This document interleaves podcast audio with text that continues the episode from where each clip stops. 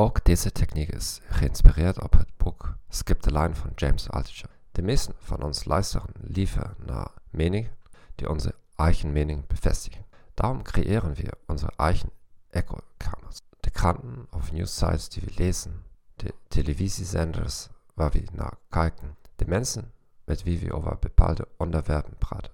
Dit maakt ons erg kwetsbaar in een debat. Het is vergelijkbaar met wat er met ons immuunsysteem gebeurt als we ons lange tijd in onze huizen isoleren. Wat is de oplossing? Je doet precies het tegenovergestelde. Maak een lijst van onderwerpen waar je een uitgesproken mening over hebt.